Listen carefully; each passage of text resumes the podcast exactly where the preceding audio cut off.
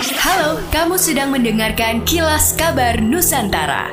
Podcast persembahan KG Radio Network menyajikan berita harian yang mengangkat keunikan dari berbagai wilayah Indonesia.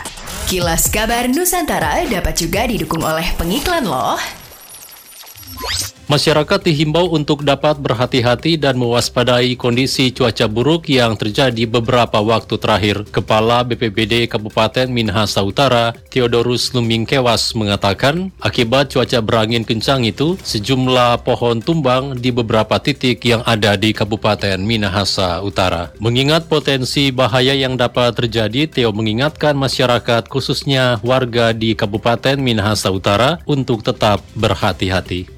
Dinas Perpustakaan dan Kearsipan Kota Pontianak meningkatkan kapasitas pustakawan di Pontianak lewat suatu lokakarya di Aula Amu Isamin, Bapeda Kota Pontianak, 15 hingga 16 Februari 2023. Workshop ini dihadiri oleh tenaga perpustakaan di sekolah dasar dan menengah pertama negeri dan swasta, serta pengelola perpustakaan masyarakat. Total ada 50 tenaga perpustakaan jadi peserta. Kepala Disperpusip Kota Pontianak, Rendrayani, mengatakan perpustakaan merupakan ruang sumber informasi bagi masyarakat, apalagi di tengah globalisasi sekarang ini, perpustakaan memegang peranan penting dalam pendidikan.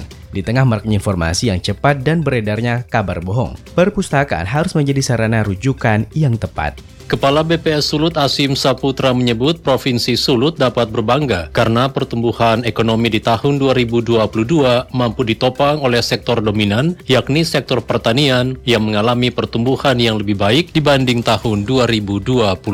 Dengan pertumbuhan ekonomi itu yang baik, Asim berharap tahun 2023 sektor-sektor lain secara khusus yang berkaitan dengan sektor pertanian turut mengalami perbaikan sehingga ekonomi Sulut akan lebih kokoh pada pada tahun ini. Demikianlah kilas kabar Nusantara pagi ini.